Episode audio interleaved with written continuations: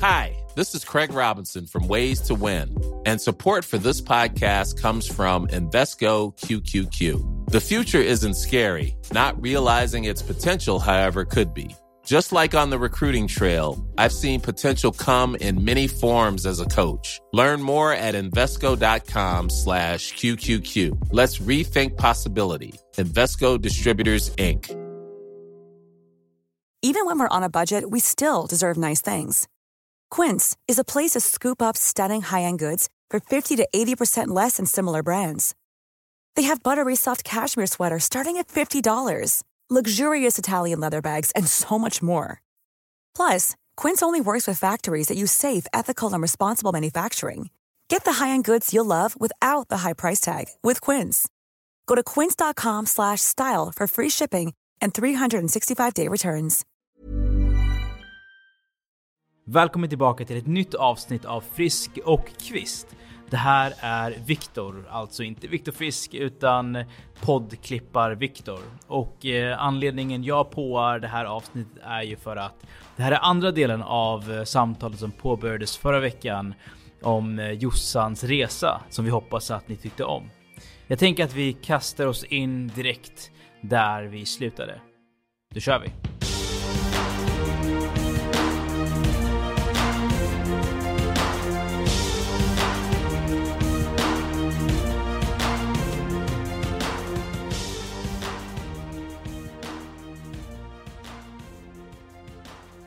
Det är ändå fint på något sätt att du har kommit till idag, Mm. att du faktiskt älskar dig själv och har gått igenom alla de här lagren för att komma dit.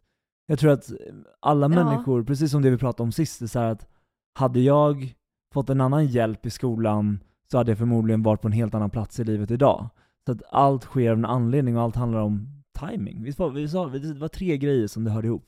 Timing, Fyra grundlagar. okej. men det sa vi ju typ för förra avsnittet, så ni får lyssna på det om ni vill höra de lagarna, för de är faktiskt väldigt viktiga. Um, nej men det, det är faktiskt sant det du säger. Och, um, den här, och jag, jag älskar mig själv så mycket mer idag än vad jag gjorde då. För då var jag så här.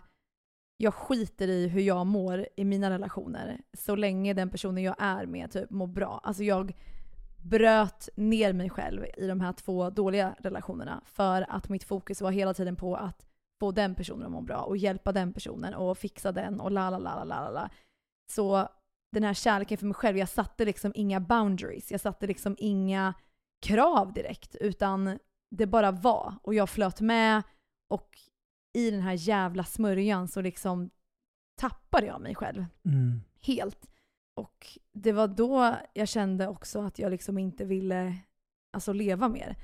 Och det var ju verkligen för att allt mitt fokus och liksom min kärlek till mig själv, det var liksom borta. Mm. Och jag tvivlade på mig själv så mycket. Att så här, jag räcker inte till. Jag är inte bra nog. Jag är inte normal. Och du vet alla de här frågetecknen man hade haft i huvudet sedan man var liten. Du vet, så här, jag är annorlunda, jag känner att det är alltid något konstigt med mig. Det kom ju upp då också. Och så här, men det är någonting som är konstigt med mig. Jag är inte normal. Jag är inte en bra person. Utan För att det var någon som triggade det? ja, alltså, Eller alltså det- tog alltså- fram de sidorna hos dig?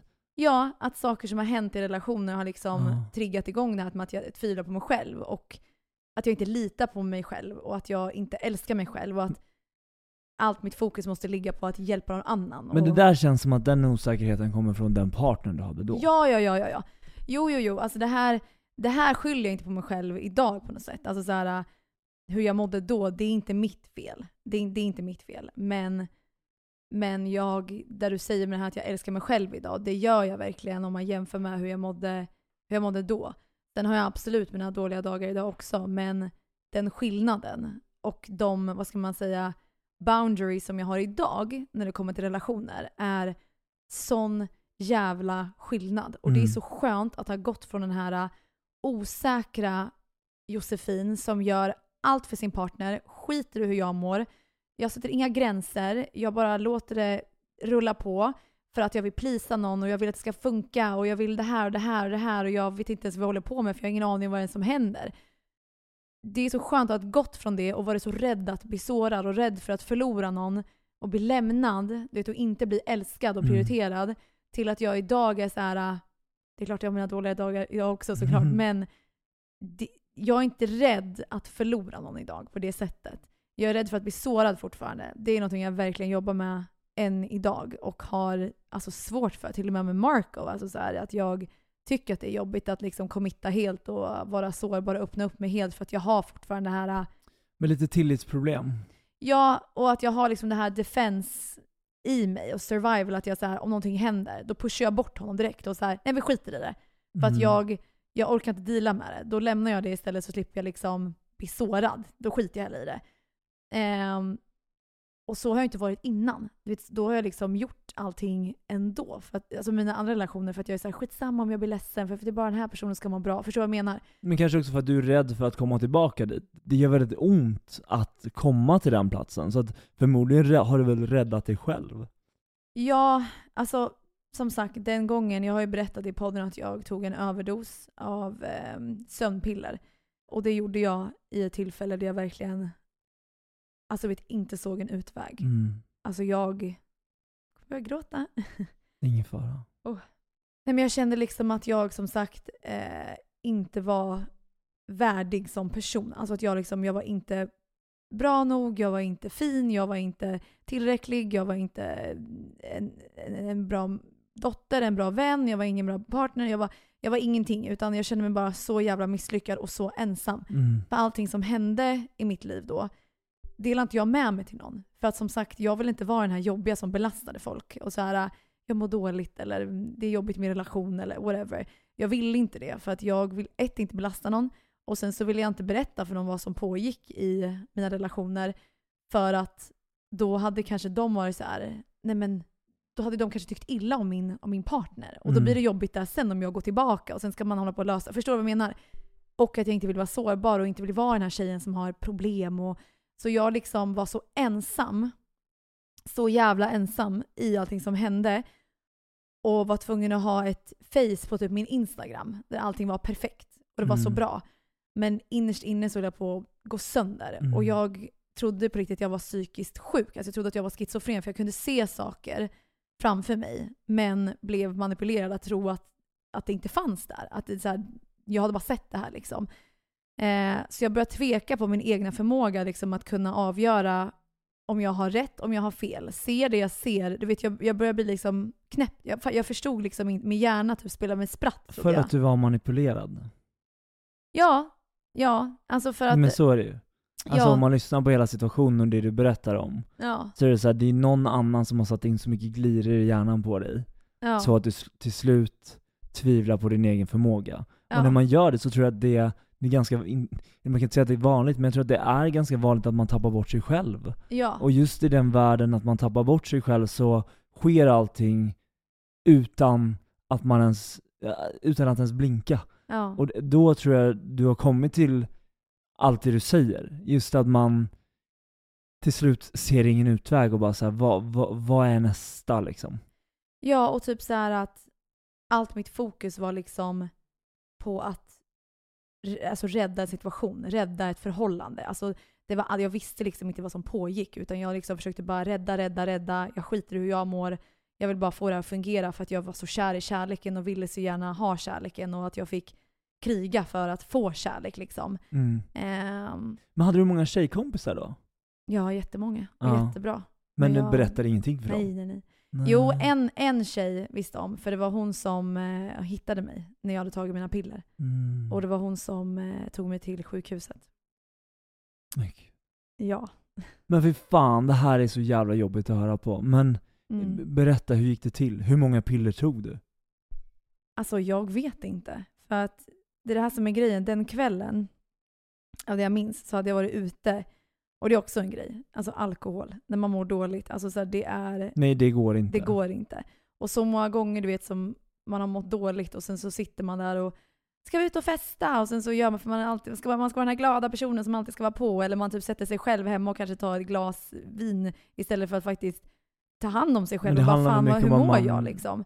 Men då ska man dämpa den ångesten. Du vill ju bedöva hela känslan. Mm. Så att jag tror att... Ja, eh, Ja, men den här kvällen i alla fall så hade jag gått ut med några kompisar. Och jag hade fått reda på någonting, jag minns inte ens vad det var. Men jag var jätteledsen och kände liksom att, och då hade det verkligen alltså det hade pågått så länge då, så här, mitt mående.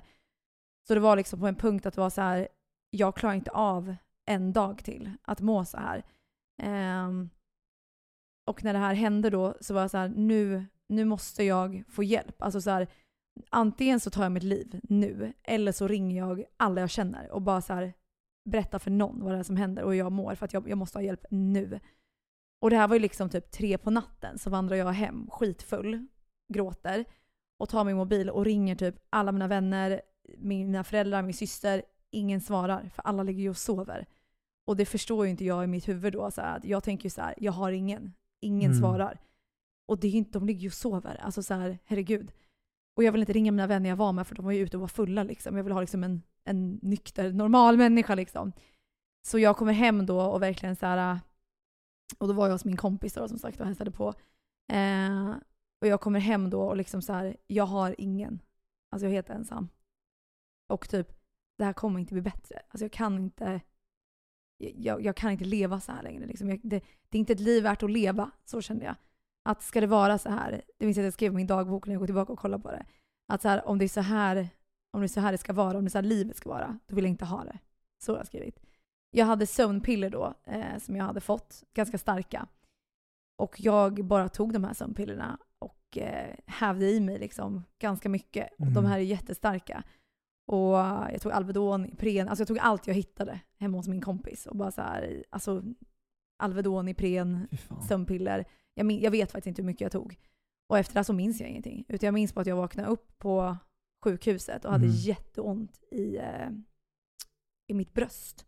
Och i magen för att de hade magpumpat mig liksom. Ah, Fy fan. Ja, och typ så här, de hade ju haft slangar och grejer liksom Ja. i mig. Och jag, jag hade ont liksom. Och sen så var min mamma och pappa där och de förstod liksom inte vad som hade hänt heller. För att jag hamnade ju liksom på såna fylle... Men vänta, vänta, stopp. Vi bara backar bandet, för, jag, för mig är det så här, det, det, här, det är så mycket som händer nu så jag måste försöka bara så här, okej. Så att det här händer mitt i natten. Ja. Din kompis då på något sätt får liv i dig och kör dig med ambulans in till akuten. Ja. Och där får du göra, alltså de, där de magpumpar dig. Ja. Men, Men de tror att jag är full. ja. Så de tar in mig på såna här, du vet alla liksom så här för ja, de, ungdomar. de såg inte all, alla tabletter du hade i blodet. Nej, tydligen, de gjorde väl inte någon check I guess. Så grejen var att jag låg liksom i ett sånt här rum med flera stycken. Mm. Och alla började ju liksom nyktra till och började gå hem. Men jag låg ju och sov hela dagen. För att jag hade tagit så mycket sömnpiller. Mm. Så mina föräldrar var ju såhär, var, var, varför vaknar hon inte? Men Det var inte så att du låg i en sjukhussäng utan, Jo, jag låg i en sjukhussäng. Gjorde jag. Men jag låg liksom bland folk typ. Och Ja, sen jag när jag vaknade så var ju ingen där för att alla hade ju nyktrat till. De trodde ju bara att jag var för full typ. ja Och att jag hade typ mm. svimmat för att jag var för full. Typ däckat liksom. Och sen så vet jag, jag, jag, jag, minns inte så mycket, men jag minns att, att jag vaknade i alla fall och hade jätteont liksom. Och jag var jätte, jättetrött. Och så frågade de om jag, hade, om jag hade tagit sömnpiller, vad jag hade tagit för någonting. Och då sa jag att jag har tagit sömnpiller. Och sen tog det väl någon timme och sen så kom det in en psykolog till mig. Någon eh, som då skulle prata med mig. Och hon kom in då och bara “Ja Josefin, du har ju försökt tagit ditt liv. Vi behöver prata om det här”. Och jag du vet fick direkt en sån här “Nej, jag, jag, det här kan inte stå i min journal att jag har försökt ta mitt Mm. liv” och såna här grejer. Så jag bara jag började liksom skratta åt henne. Jag bara “Driver du?” Jag bara “Nej, nej, nej”. Jag bara alltså, jag får mina sömnpiller nu för att jag går igenom typ ett jättetufft breakup. Så jag har lite svårt när jag ska sova. Och nu, nu var jag full och glömde bort hur många jag tog. Så jag råkade ta lite för många. Mm. Så jag, jag mår inte ens dåligt. Alltså jag mår verkligen jättebra. Det är superlugnt. Det här var verkligen bara ett klantigt misstag för att jag var full. Så du, du behöver, jag behöver ingen psykolog. Och hon bara okej, ja men då skriver jag det. Och sen gick hon. Va? Ja, så det var den psykologen. Ja, ja. men jag tyckte det var skönt då. För jag ville ju inte liksom prata med henne. Utan den enda personen som jag egentligen ville prata med då, det var ju den, den personen som faktiskt inte var så schysst mot mig eh, under den här tiden. Nej men fick eh, han reda på det någon gång? Alltså pratade ni om det sen vad som hade hänt på riktigt? Ja, alltså jag ringde ju han dagen efter det här hade hänt och Ja. berättade. Men han brydde sig inte. Fy fan. Ja, jag är jävligt glad att du inte har den killen kvar i ditt liv idag. Ja. Nej men så det, det är jag också. men idag gentemot honom, för att det som hände mellan oss i den relationen skadade oss båda väldigt mycket. Ehm, och jag tror att honom kom jag över ganska snabbt ändå. Alltså så här, just kärleksmässigt. Eller Mm. snabbt och snabbt, tog mig några år. Men det som hände mellan oss, alltså det jag gick igenom det här självhatet mot mig själv och min självkänsla, att den var så låg och att jag liksom jag kunde liksom inte ta beslut. Jag visste inte varken ut eller in. Det, det har påverkat mig och påverkar mig än idag ibland. Alltså så att traumat som, med, alltså som kom med i det här kan ha effekter på mig idag. Det sänkte din självkänsla och förmodligen om, om, om man lyssnar på hela den här storyn så låter det som att du har haft ganska bra självkänsla när du var mycket yngre. Ja. Men sen också när man träffar partners till exempel, det har jag också varit med om, Mm. att självkänslan kan bli så låg Mm och man värdesätter inte sig själv överhuvudtaget för att man tror inte att man har någonting värd. Och det är väl det som är skillnaden nu liksom att förr, som jag sa, så exakt som du säger Viktor, att man, man värdesätter inte sig själv och man sätter inte liksom alltså gränser för saker och ting utan man vill bara bli älskad. Och man är förblindad av kärleken och man vill bara fixa det, man vill lösa det, man vill ha det här fina, lala, som man också blir pressad till i dagens samhälle att man ska ha i en viss ålder och la la la. Men hamnar man i en sån där toxic relation som jag har gjort nu några gånger, det är så lätt att tappa sig själv och lägga fokus på någon annan. Och det är så jävla farligt för att det är så svårt att bygga upp det igen. Och det har tagit mig sån tid, sån tid. Men senaste året som sagt så har det förändrats jättemycket och idag skulle jag kunna träffa mina dåliga relationer, alltså jag har förlåtit allt. Alltså allt. Jag är inte arg, jag är inte ledsen, jag, jag vill bara dem väl. Och det är alltså genuint från hjärtat. Jag är inte arg eller så på dem längre utan jag vill dem bara gott. Alltså jag vill dem bara peace. Sen tycker jag det är jättetråkigt att saker som har hänt påverkar mig än idag när det kommer till relationer, min självkänsla, att det kan vela fram och tillbaka lite och att det är en sorg också att jag har behövt gå igenom det här. När jag ser tillbaka liksom på den tiden när jag tog pillerna och liksom så här hur mina föräldrar mådde. Nu blir jag ledsen. Oh, det önskar jag inte någon. Och i den processen, du vet så här, hur ensam jag kände mig, så var jag tvungen att upprätthålla mina sociala medier. Mm. Återigen, det här med att allting var så bra. Så det var en sån fake-värld liksom, och det var så hemskt. Så att typ när jag tänker tillbaka på det så blir jag så ledsen av att fan vad synd att jag behövde gå igenom Mm. det där. Men också så tacksam. För att jag hade inte varit det jag är idag om jag inte gjorde hela den här resan. Nej. Och som sagt, jag har ingen, ingen agg mot de här människorna idag. Jag har verkligen läkt det. Och jag önskar dem gott, men det är synd att det påverkar mig än idag. Och det är den resan jag fortsätter att jobba med nu. Att liksom läka de här sista bitarna. Och det är tufft. Alltså Men- det är det. Men bara hela grejen med att du säger så, och att det är så att, att man kan gå ifrån att förmodligen hata en människa så pass mycket, eller hata olika människor, eller tycka att en situation är väldigt jobbig, till att Mm. bara så här acceptera det. Men jag tycker att det är så fint att du kan förlåta människor. Jag tror inte alla hade kunnat göra det. Men nej, nej, jag håller med. Men jag tror att det har alltså, så mycket läkning i sig själv att göra. Som sagt, jag har ju inte förlåt, alltså jag har ju hatat de här personerna, liksom människor som har gjort så här emot mig. Jag har hatat Du dem. får skicka liksom. fakturan på terapitimmarna. alltså verkligen. Nej men ha, alltså hatat och haft så mycket ilska. Och jag har insett shit vad det tar ifrån mig energi Mm. och faktiskt tiden jag kan lägga på mig själv att läka den biten istället. Och som sagt, min ayahuasca-ceremoni handlade så mycket om självkärlek, att jag är värd så mycket mer än vad jag har trott. Och som sagt att jag såg X ploppa upp som liksom så här små figurer som gjorde allting så mycket lättare bara. Så den ceremonin hjälpte mig jättemycket. Jag känner också typ att det jag har gått igenom är en sån, en sån typ stark grej för att jag är så medveten om saker och ting. Och nu när jag är på den här resan så blir jag ännu mer medveten och påläst om det. Och jag tror att det är därför också jag sitter och pratar om det här och nu, för att jag vill vara en hjälp till andra. Jag känner att jag har gjort det här i ett syfte att finnas för andra och faktiskt hjälpa de som sitter i samma situation. Och det känner jag är så viktigt att typ bara förmedla. Nu säger inte jag att jag är någon slags supersmart person här som en psykolog, absolut inte. Men jag känner att mycket på mina medier idag handlar om toxiska relationer, att läka, att eh, inte du vet, bara ta första bästa och våga lämna, våga prata om det, såna här saker. Och det känner jag lite är mitt typ syfte Mm. här på jorden om man ska säga så.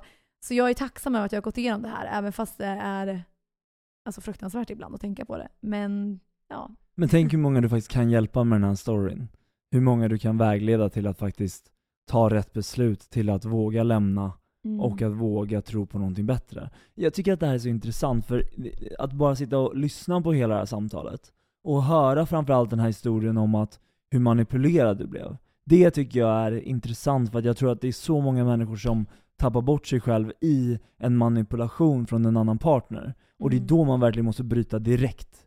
Det är här, det, det, Men jag tror, inte man, jag tror inte ens man vet om när man är manipulerad.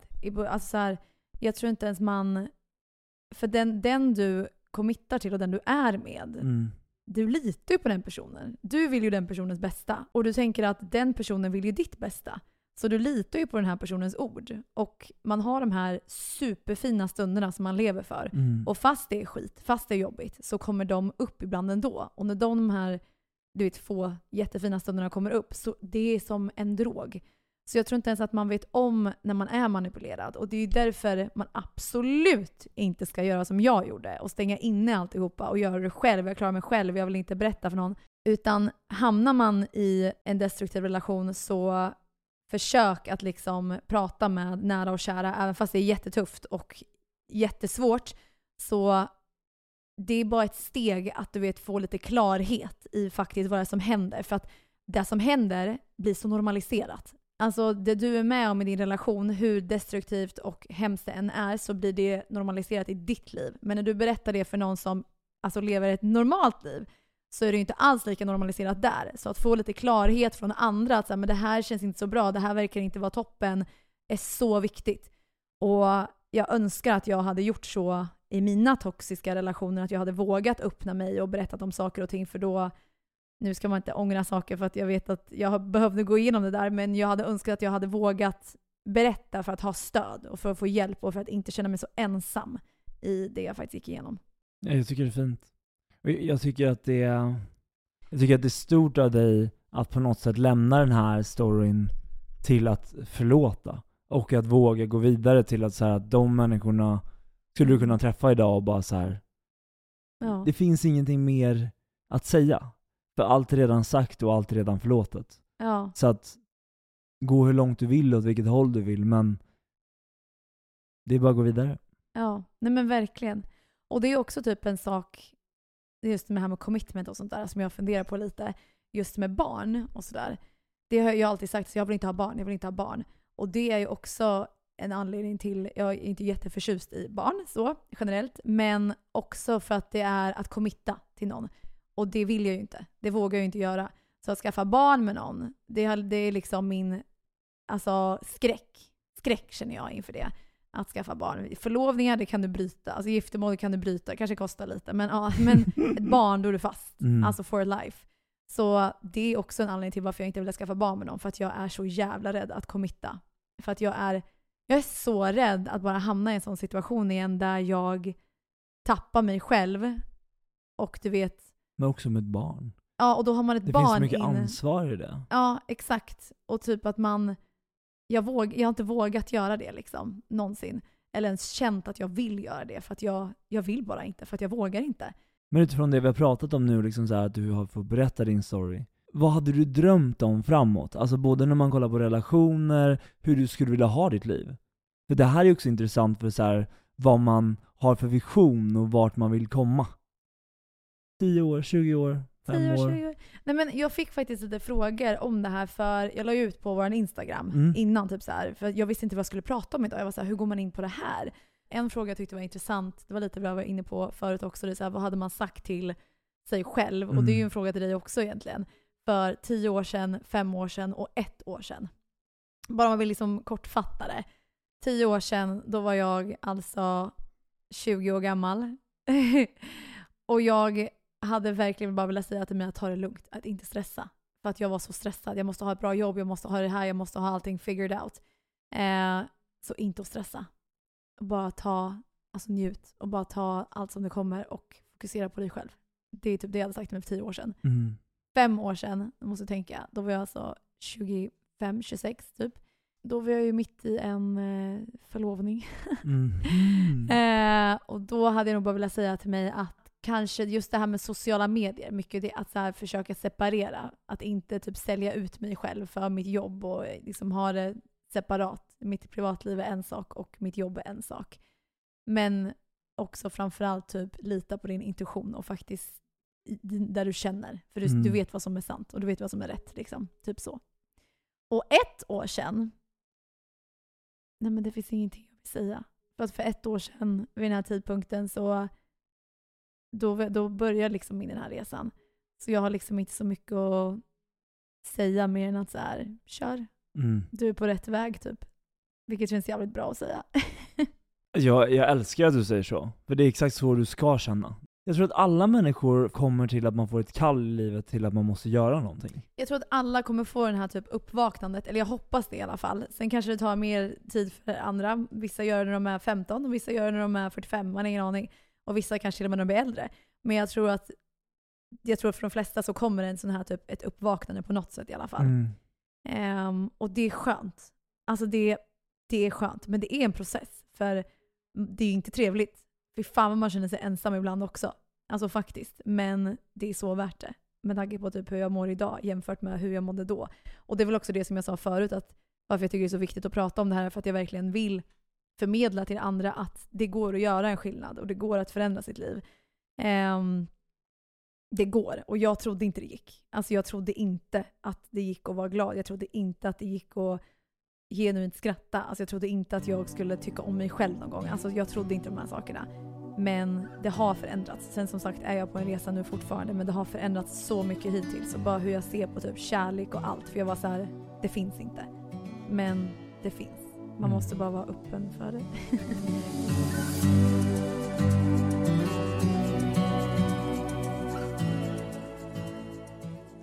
Men om man kollar på det du säger, så här, hur känner du idag med att behöva vara perfekt? Både inför andra men också inför en partner liksom. Ehm, men det har ju blivit också bättre. Men det måste du också känna igen dig lite i.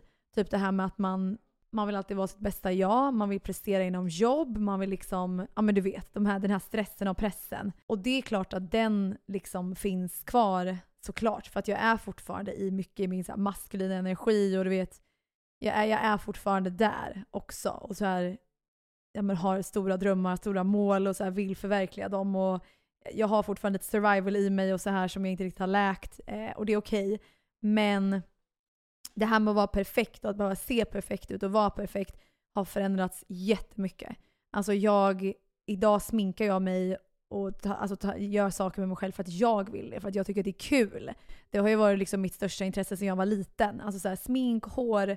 Men jag slutade med det. För att jag, gjorde, jag började ju med det på typ YouTube och Instagram och sen Mm. spelade jag in videos och sminkgrejer.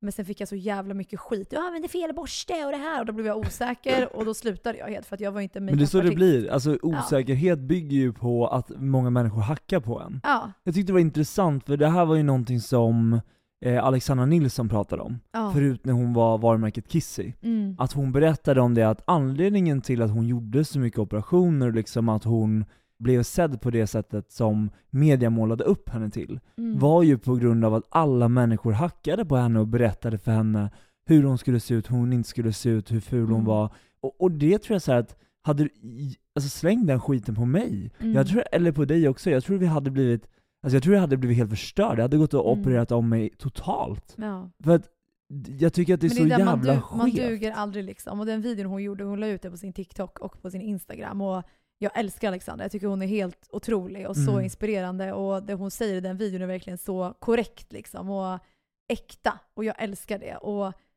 vem fan hade inte gjort så som hon gjorde?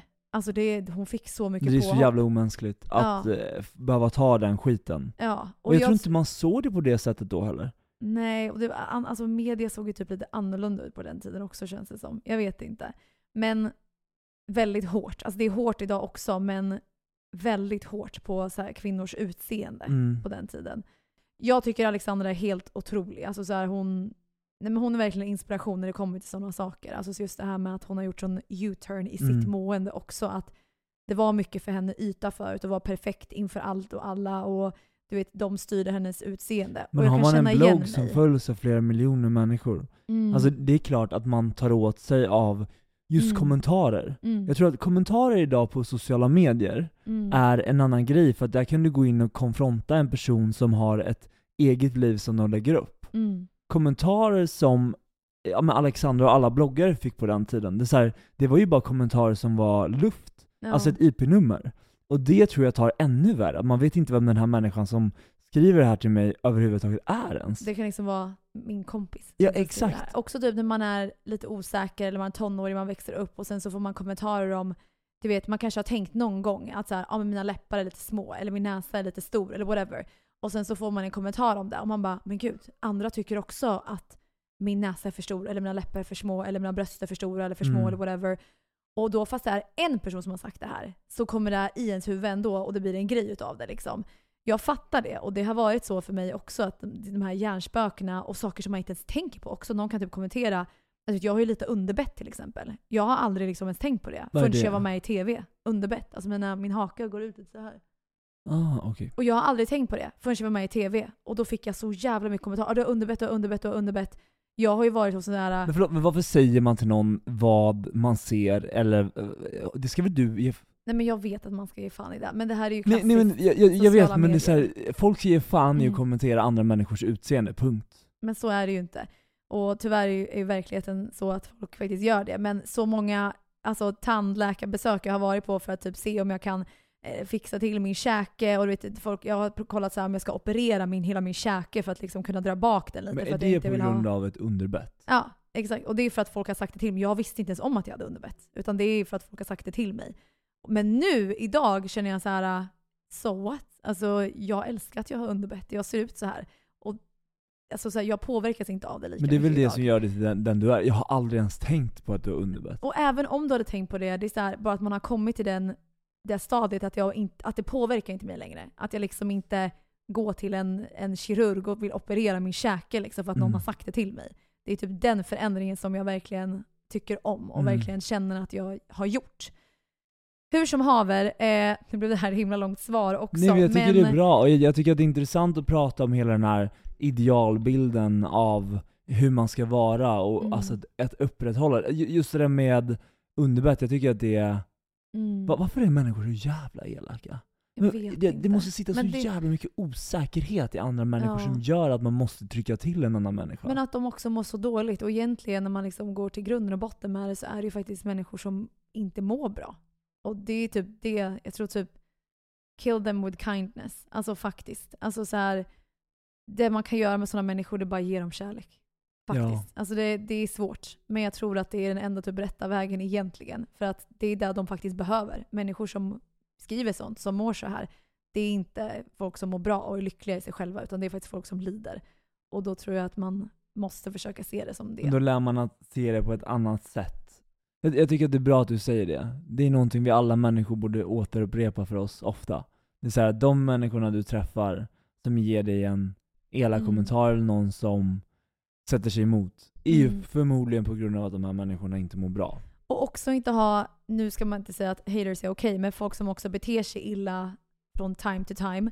Du har säkert gjort massa konstiga grejer som du har ångest över och du inte står bakom. Jag har också gjort det. Aldrig. Och det, och det är ju verkligen liksom misstag man gör som är mänskligt. Men idag känns det som att man måste vara perfekt. Man får Mm. inte fela, man får inte göra si och så, då blir man cancellad eller man ska säga upp kontakten med den personen eller whatever, whatever. Folk gör fel. Och jag tycker att den här typ förlåt, alltså att man förlåter någon, det har liksom typ försvunnit. Alltså så här, jag fattar inte den här biten. Alltså folk felar. Alltså man måste vara okej med att folk kommer göra fel, folk kommer göra misstag, folk kommer såra dig. Sen finns det boundaries, det finns gränser, men det är inte, en vänskap eller en relation är inte byggd på perfektionism. Alltså det är inte så. Så jag tycker det är någonting man också ska bära med sig. Och sista grejen som jag också tycker man ska bära med sig i allt det här, att inte bara förlåta andra människor utan förlåta sig själv. Alltså verkligen. För det är någonting jag tog upp också i ayahuasca-grejen. Att jag har varit så hård mot mig själv. Och jag tror att många är i dagens samhälle. Otroligt hårda mot sig själva. Och jag tror att när man har kommit till det här stadiet och man förlåter sig själv för dumma saker man har gjort. När man mådde dåligt. Det måste man göra för att du, man försökte sitt bästa. Man gjorde sitt bästa där och då. För vi vet att vi är goda människor. Man vet själv att man är en god människa, men man gör fel. Och just där och då så gjorde man sitt bästa. Det blev inte bra, man gjorde sitt bästa, men man måste för, kunna förlåta sig själv precis som man förlåter andra människor. Om man nu ens har kapaciteten Men vi kommer att göra så jävla människor. mycket dumma saker både idag och imorgon. Det är så att Mm. och och just det du säger angående att förlåta sig själv, det tror jag är huvudregeln egentligen. Ja. För att du har förlåtit dig själv för det som har hänt fram tills idag. Mm. Men det kommer ju förmodligen hända hundra grejer till. Så att, Gud, att ja. leva med liksom svaret på hur, hur man kan i alla fall leva mer sann mot sig själv. Och det är så här, att våga förlåta både dig själv men också att förlåta andra människor runt om dig. Mm. Då har du gjort ett jävligt stort steg. För det är många människor som inte ens kommer till den Nej. insikten. Det har jag faktiskt haft svårt med. Att så här, du vet, minsta lilla någon gör mot mig, jag sa nej. Typ så här. Mm. Typ så här. Jag har försökt att typ vara lite så, för att, i och med att jag blivit sårad innan. Så så här, först, alltså så här, om jag träffar någon ny kille eller någon ny vänskap och någon typ gör minsta lilla, jag säger fuck det där, nej nej nej. Typ det modet har jag varit i ett tag. Men insett nu på senaste tid också att men det bygger ju ingen hälsa, alltså hälsosam relation. Alltså det bygger ju bara en relation på en fasad, att allting är perfekt. Och då blir det inte heller något djup i det hela. Men det bygger väl också på tidigare erfarenheter och på något Mm. sätt för att kunna eh, komma in i nya erfarenheter och att våga saker igen som man kanske inte vågade från början Mm. är ju att våga bara släppa garden och släppa in människor. Men fan vad svårt det är. Ja, det är ju fruktansvärt. Ah, du vet så som vi pratade om förut just nu med Marco. Eh, även fast liksom det är bra mellan oss och så, så har jag ju så svårt än idag att faktiskt, du vet såhär, verkligen släppa på hela garden, alltså Mm. helt. Jag, jag gör ju så mycket bättre nu och jag committar så mycket mer nu och har en helt annan känsla men det här sista klivet, att så här, okej nu släpper, oh, Mm. åh det är så svårt. Det är så Men svårt för det, jag har lärt är ju mig själv. Svårt, det är ju svårt på grund av att du har varit med om mycket saker innan, så det sitter ju Mm. liksom i bagaget. Och det är just den biten jag verkligen behöver läka. läka. Och det, jag tror att det egentligen bara handlar om att också brist på självkärlek där också. Att jag så här, alltså jag älskar mig själv mer nu, men jag tror att varför jag är så rädd att bli sårad igen, det är ju för att jag inte tror att jag ska klara av det. Att så här, okej, händer det där igen så kanske jag inte kommer leva mer. Eller så kanske jag gör någonting dumt mot mig själv, eller jag kanske tappar det, jag kanske inte, klarar, jag kanske inte är stark nog att klara av det. Och det är ju där det brister, för att Men snarare kanske tvärtom. Det är så att vi har suttit och pratat väldigt mycket om kärnan och liksom att det handlar om att älska sig själv och att bygga sin egen självkänsla. mm, Vilket är exakt det du gör hela tiden. Allt du har gjort hela det här året är ju att faktiskt bygga upp dig själv. Så att jag Mm. tror att du ska inte vara rädd för att våga bli sårad heller, för det finns ett skydd som är så starkt idag. Och det tror jag är viktigt att fatta. Mm. Ja, alltså det har du verkligen rätt i. Och jag tror att också så här. Antingen så kan man typ, det här var också min coach som sa till mig och det här är så on point. Han var så här, du är så rädd på att kliva på den där bussen, alltså så här kärleken då, och du vet öppna upp allting. Så att du står hellre på vägkanten Mm. och låter bussen skjutsa förbi liksom. Jättebra sägning. Ja, men du, du går ju miste om allt då. Alltså allt. Du kan ju hoppa på den här bussen och det kan bli bra. Men du skiter i det för att du inte vågar.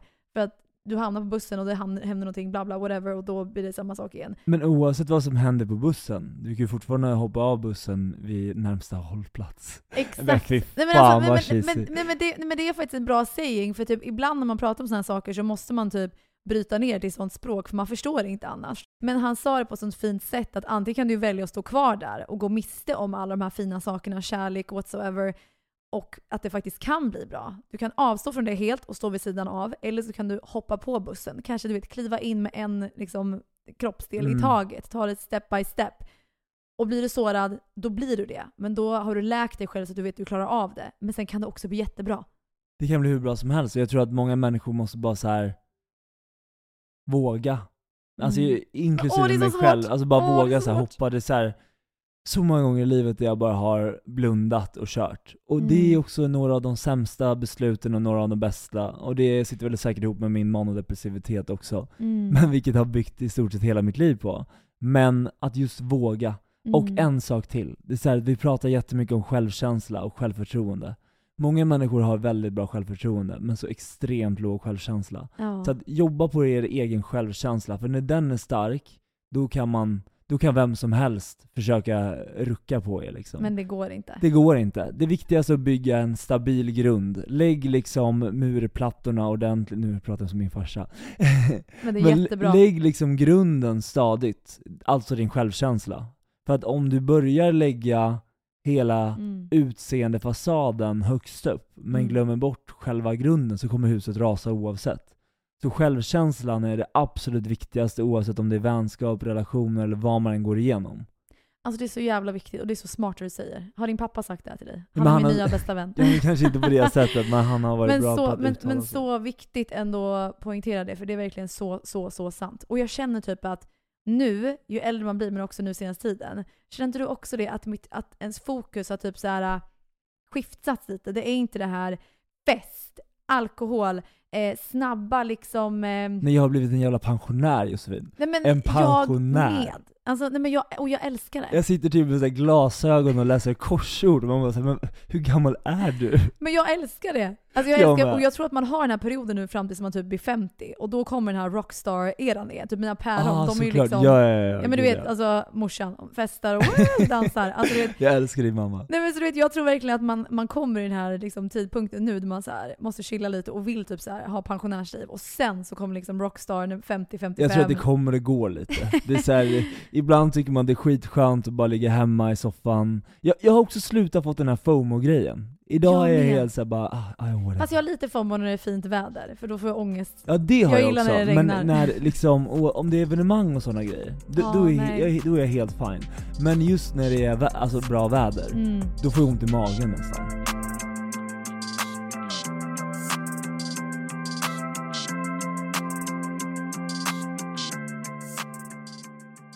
En sista grej innan vi ska avsluta det här fantastiska avsnittet. Det var det du frågade mig faktiskt. Hur ser du nu på framtiden?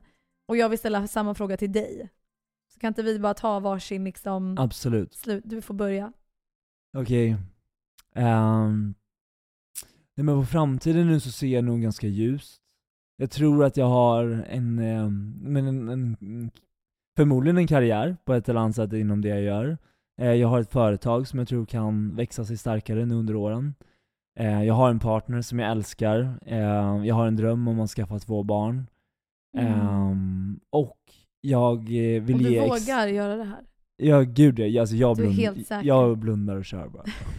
Det får bli som Jag det blir. önskar att jag var lite mer sån. Ja. Och sen så uh, tror jag att det viktigaste för mig är så att vänner och familj. Mm. Det har jag märkt att så här, det viktigaste för mig är att hänga ute hos mamma och pappa och hänga med liksom Mm. barnbarn, min syrra och hela gänget liksom. För att så här att om allt försvinner imorgon Mm. så kommer de alltid stå kvar. Så det är de man liksom ska ge all respekt till. Och, och skulle jag någon gång bli ekonomiskt oberoende, vilket jag drömmer om någon gång, inte på grund av att ha pengar i sig, Mm. utan på grund av att jag vet vad jag har lovat mina föräldrar. Jag har lovat mina föräldrar ett hus i Frankrike, jag har lovat Stora ord Eh, alltså. Så jävla stora ord. Men uh, hope for the best. Jag vill alltid ge, jag, jag, familj är viktigt. Men för dig själv då Viktor? Om man tänker så här, för nu, nu, du är ju så fin som alltid tänker på alla andra, men dig själv tio år framåt liksom. Hur ser du din utveckling? Nu tycker jag att du har gjort en fantastisk utveckling hittills, men vad har du kvar att liksom, vad är det vi ska göra i podden? Vad, Ja. vad har du kvar? Nej men jag vet inte fan vad man har kvar, men hela tiden så kommer man att utvecklas. Jag tror att jag skulle vilja prova på någon gång att släppa en egen låt, vilket jag, jag har Mm. på, jag har ju låtar som finns men Mm. aldrig vågat. Mm. Eh, och sen så hoppas jag verkligen att, ja men som jag sa, två barn hade ju varit fantastiskt. Mm. Eh, och sen även Du kommer bara... bli världens bästa pappa. ja, vi hoppas på det. Eh, och sen tror jag mer bara så att, ja men kanske börja ge mig själv lite mer självkärlek också. Mm. Så viktigt. För du är en sån person som ger andra så mycket tid, så mycket kärlek, så du får inte tappa bort dig. Du måste ge det till dig själv också. Detsamma, detsamma. Du vet, det var en kille igår som sminkade mig. Dardan heter han. Han är amazing, en fantastisk person. Och han sa till mig, han bara, frågar du dig själv någonsin hur du mår? Och jag bara, alltså inte så jätteofta. Och han bara, dina vänner, du frågar ju alltid dem hur de mår. Och hade du inte gjort det, då hade du inte haft några vänner kvar. Och det är ju samma sak med sig själv. Mm. Det är så här, det är klart som fan jag måste fråga själv, alltså annars har jag inte mig själv kvar. Och det bara made så mycket sens i mitt huvud att jag måste checka in med mig själv och kolla hur jag mår. Det är nog det viktigaste. Mm, och det måste du göra. Och, och det är också som du sa angående hela den här grejen. I och med att jag skriver ju tacksamhetsdagbok varje kväll, tio Mm. saker. Och det som ofta repeteras har jag märkt att det är just att jag är tacksam över att jag är frisk. Mm. Och just hela den grejen med så att bara inte... Att du är frisk, healthy eller Ja, att du är Viktor Frisk. Så jävla oskönt. Jag säger ni. Nej men hela grejen med att man mår bra. Alltså, Ja. alltså jag mår bra. Det, jag tänkte på när Andreas eh, krockade bilen förra veckan, jag bara vad fan, livet kan vara över på två sekunder. Mm. Usch. Bara hela Hemskt. grejen med att, att jag och min familj, min pojkvän, mina närmsta, att vi mår bra. Mm. Det, alltså det betyder mer än alla likes och eh, samarbeten och allt annat i världen. Det är A och O. Det är Alltså, bara det verkligen. A och O för att liv ska fungera. Så att, ja, jag är nog jävligt tacksam för det och jag hoppas bara så här att får jag vara frisk och kry i hela mitt liv så är jag så jävla tacksam och glad. Mm. Fint.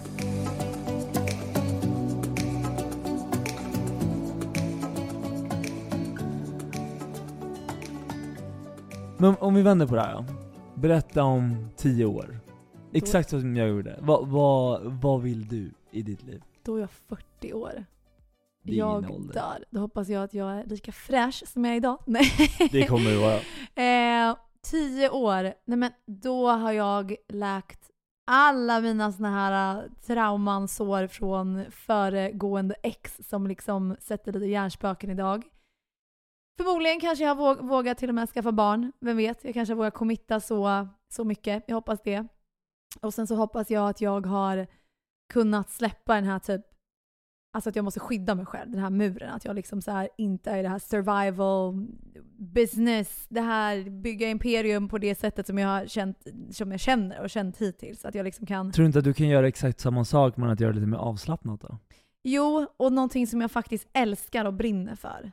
Du vet så här, jag har lite planer på vad jag vill göra, men du vet, man har så mycket planer och saker man vill göra varje dag. Så det är så här, Men där är, ja. jag, där är jag, precis som du, men till skillnad från dig så är jag bara såhär, jag blundar och kör. Så här, get shit done. Du vet som när vi satt nere i Marbella. Ja. Så jag bara, ta bara kontakt med människor, gör bara det, kör liksom. ja, men du är bra på det. Du är så här pang på rödbetan. Jag är lite mer Men det är för att jag har varit med så, om så många människor som bara snackar. Mm. Och jag är så jävla trött på snackisar. Jag fattar det. Jag fattar faktiskt det. Jag önskar att jag var lite mer som dig. Jag ska ta efter det. Jag ska försöka. Men jag hoppas att jag har alltså, släppt de här sakerna och att jag bara har frid typ. Sen kommer man alltid stöta på problem obviously. Men jag hoppas att jag har ett annat frid i mig själv och inte har den här liksom ångesten över att bli sårad. Eller att det finns, att jag inte kommer klara mig då. Att jag liksom, ja du, du fattar vad jag menar. Att jag Mhm. måste börja lita på att jag faktiskt är värd kärlek. Ehm, för det har jag aldrig känt. Jag Känner du alltid, att du är värd kärlek idag? Oftast. Oftast. Men det är nog för att jag får så mycket kärlek från min kille liksom. Mm. För jag har alltid, jag tror att du kanske känner igen det där från förr också, att här, man har alltid fått höra hur speciell man är och att man är svår. Jag har alltid fått höra, Jobbig. du vet du berättar, ja jobbig och du, du är så svår att vara med, men du vet, ja men Josse hon är så svår, hon är så jobbig och hon är så mycket och komplicerad. Komplicerad är ju rätt ord för mig, det har jag ju hört hundratals gånger. Och det har jag liksom så här inpräntat i mitt huvud att men jag är komplicerad och jag är svår och jag är jobbig och så här. Och det har jag också tagit med mig in i relationer. Och verkligen så här, nej, men jag vet att jag är så här jobbig liksom och komplicerad. Och nu, Marco är liksom den första som är så här, nej men du är inte komplicerad. Du har bara inte haft rätt stöd. Du har bara inte haft rätt, rätt liksom kärlek och rätt stöd för dig som förstår dig, vart du kommer ifrån. Och den typ känslan är så himla typ fin att, alltså jag vill bli älskad för den jag är. Alltså hela mig. Inte den här perfekta Josse som, ja, men, som sminkar sig och, och har på sig det där och det här fasaden. Utan jag vill bli älskad för alla mina sidor. Och sen kanske inte han älskar alla till 100% jämt. Men jag vill liksom bli accepterad. Och det hoppas jag att den här relationen kan antingen lära mig eller att den fortsätter att vara så. så Jag, vet tror att du ska se det mer se. som att den, den ska fortsätta vara så. Ja. ja men jag vågar Försök inte tänk så hela tiden, så här, försök lita på det. Ja, det är det. Du, du hör ju själv, jag är så här, om Ja men du, så, du kommer ja. till den känslan direkt. För att det är mitt Men jag här fattar dig. flykt liksom. Men det här, nej, nu, nu drar jag ut jättemycket på det här, men jag hoppas bara att, att de bitarna har släppt. Och jag är på rätt ställe, jag är på väg dit. Nu gäller det bara liksom att, att fortsätta och hålla i sig i det här liksom. Jag skulle kunna prata om det här i hundra år till, men nu har vi poddat här hur länge som helst så jag ska faktiskt avsluta. Andreas skrev såhär, har hon pratat klart? Ja, hon pratar klart, skrev han så. Vi har suttit här i typ tre timmar, alltså gud. Jag dör. Åh, jag dör. Ja, älsklingen. Ja. Förlåt, jag tar, tar dig ifrån honom. Jag ska sluta snacka nu, men eh, tack för att ni har lyssnat verkligen. Och eh, det här eh, avsnittet har inte varit superlätt, men Det känns så skönt att bara få ut det liksom. Jag tror att det här kommer bli jättebra. Och jag tror att så många människor kan relatera till det här också. Nu börjar jag få ångest, nu känner jag mig så komplicerad. Nej, nej, jag bara, nej, gud jag vad? pratar om det här, det här, det här. Nej, Var inte komplicerad, släpp bara allt. Jag ska bara släppa och tuta och köra. Hörni, tack snälla för att ni har lyssnat på det här avsnittet. Vi ses nästa vecka. Ha det bra, hejdå! Det där var ett snabbt avslut. Jag vet, jag körde på. Puss och kram, hejdå.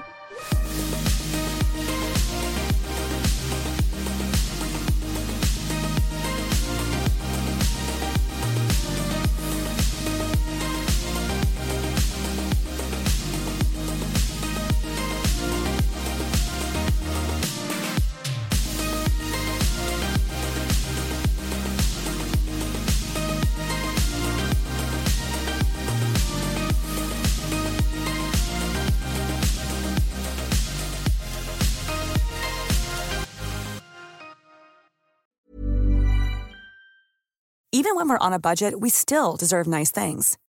Quince is a place to scoop up stunning high-end goods for 50 to 80% less than similar brands. They have buttery soft cashmere sweaters starting at $50, luxurious Italian leather bags, and so much more. Plus, Quince only works with factories that use safe, ethical, and responsible manufacturing. Get the high-end goods you'll love without the high price tag with Quince. Go to quince.com slash style for free shipping and 365-day returns.